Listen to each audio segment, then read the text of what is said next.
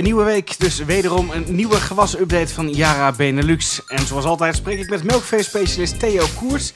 En vandaag worden wij ondersteund met de kennis en de kunde van Thomas Truijen van Limagrin in België. Thomas, voor de mensen die je niet kennen, eh, een korte introductie. Goedemiddag, uh, ik ben Thomas Truijen en ik ben bij Limagrin actief als technical en marketing manager voor de ruwvoedergewassen. Dus uh, eigenlijk heel het pakket voor de veehouderij. Kort maar krachtig, dankjewel. Um, nou, we weten allemaal inmiddels door alle podcasts hiervoor... om uh, het gras en het mais, in ieder geval de gewassen, goed te laten groeien... hebben we twee zaken keihard nodig. Combinatie van zon en water. Theo, hoe uh, staat het er inmiddels bij in Nederland? Ja, Nederland uh, schiet nog niet echt op met water. ik heb hier in het noorden nou, amper ja, iets meer dan 20 mm gehad. Dus dat is wel erg weinig.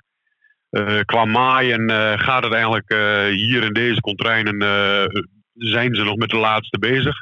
Richting het noorden heb ik begrepen staat nog best wel veel gras. En in het zuiden is het ja, behoorlijk veel gemaaid al. Daar is men al ja, toch ook al 14 dagen bezig. En ik denk dat Thomas wel aan kan geven wat, hoe het in België is met het grasmaaien. Ja, een gelijkaardig verhaal. Ook, ook veel te droog.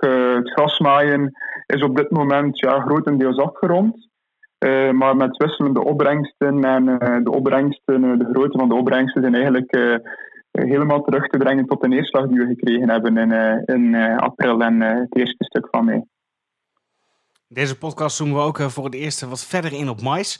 En nu we toch een um, ja, Belgische collega aan de virtuele tafel hebben, want we hebben nog steeds last van corona, hoor ik graag eerst hoe de maisteelt in België verschilt met die in Nederland. Ja, er is wel een, eh, een groot eh, en een belangrijk verschil uh, in verband met derogatie. In, in België wordt derogatie op een andere manier aangepakt als in, als in Nederland. En in België is het zo dat als je derogatie wil aanvragen, dat dat kan door tussen twee teelten van mais, tussendoor een, een teelt van, van gras te zaaien.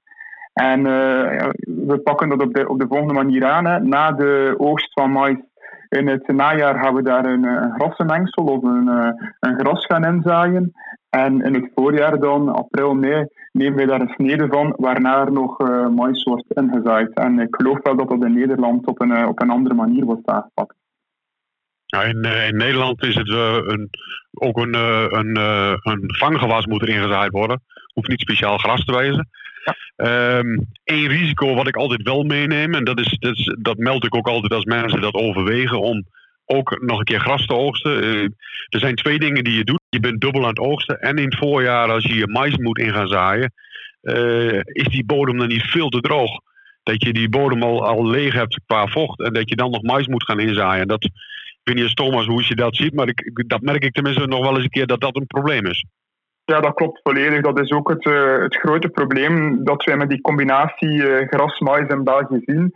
Dat lukt behoorlijk goed op het moment dat je vroeg gaat gaan oogsten, dat je vroeg die snede gras gaat, gaat gaan nemen. Hè. We spreken dan van uh, half april tot 20 april. En wanneer we dat doen, vroeg maaien en dan ook vroeg onze mais zaaien, dan kunnen we dat probleem van die droogte grotendeels opvangen. Maar ja, in een situatie als dit jaar, waarin het echt wel extreem droog is, als je dan wacht tot, tot 5 of zelfs 10 mei om, uh, om die snede gras te gaan oogsten, ja, dan wordt het wel droog en vaak uh, problematisch om, om, die mais, om die goede maisopbrengst te krijgen. Ja, absoluut, absoluut mee eens.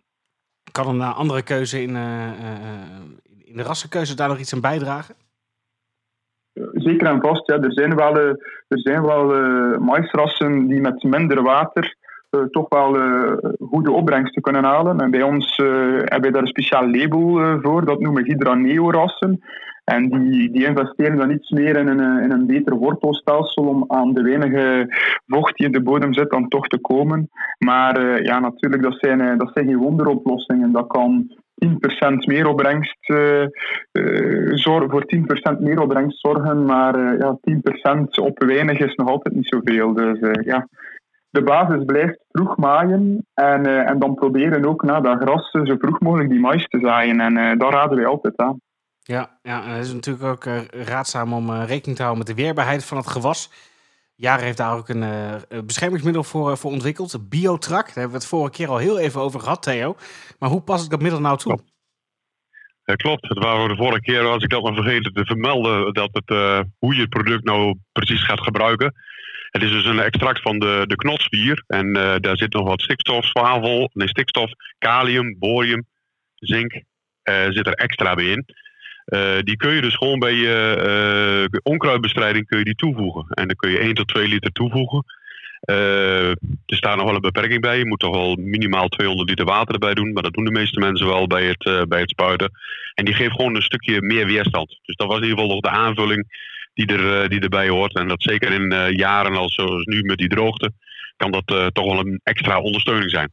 Nou, de kosten vallen ook nog mee. Ik, ik heb in ieder geval begrepen dat het een, ja, tussen de 10 en de 15 euro kost. het is een stukje verzekeringspremie wat je ermee haalt. En nou, je geeft die extra boost en die spoorelementen, die, die druk je er ook nog bij. Dus dat is mooi meegenomen.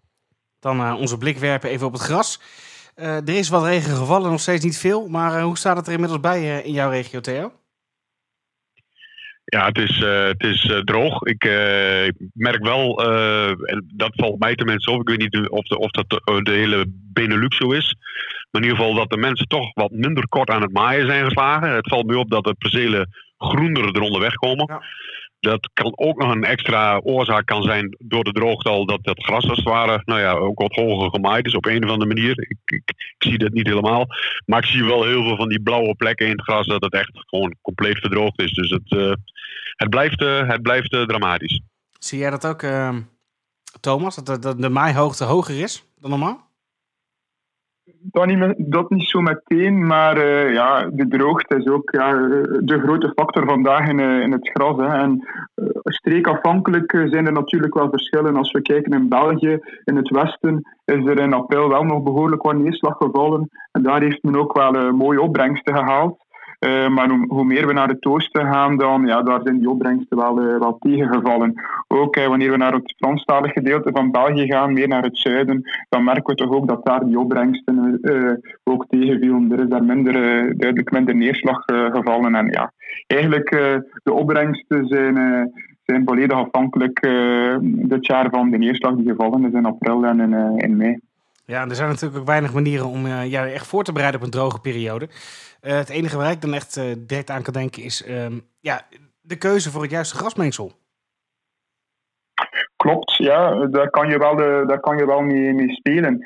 Wij zien de laatste jaren zijn er natuurlijk ook veel droogtes geweest, dus we hebben daar wel de enige ervaring mee. En rietswenkgras uh, komt in een droge periode er altijd als uh, de betere uit.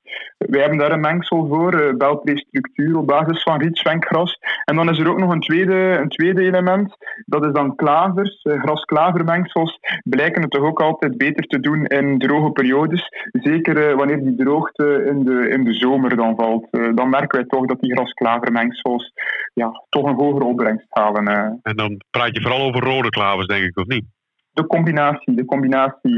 We hebben een mengsel waarbij we zowel dit als rood gaan combineren. Uh, rood zorgt voor een iets snellere start uh, de eerste jaren en uh, de witte klaver neemt het dan over. Ja. ja. Maar ja, het lijkt mij heel simpel hoor. Maar ik, ik zou zeggen, weet je, in, in, in Zuid-Europa hebben we al veel langer te maken met droogte. kunnen we die rassen niet gewoon hierin zaaien? Klopt, dat is ook wat vandaag gebeurt in, uh, in de veredeling, zowel in mais als in gras. Uh, wij gaan onze variëteiten uh, in mais bijvoorbeeld gaan uitzaaien in screeningsvelden in, in Oost-Europa. omdat daar die droogte toch nog sterker speelt dan hier bij ons in West-Europa. En ja, de variëteiten die daar dan in die extreem droge omstandigheden goed gaan scoren, ja, die gaan wij in België dan en in de Benelux gaan promoten als, als droogte-tolerant variëteit absoluut. Ja, we zijn bijna 10 minuten onderweg, dus het is tijd om af te ronden. Um, er stonden een aantal grasland demo-dagen op de planning, uh, onder andere in België. Nou kan ik me voorstellen dat het in deze tijden van corona uh, wellicht wat lastiger is. Hoe gaan jullie uh, daarmee om?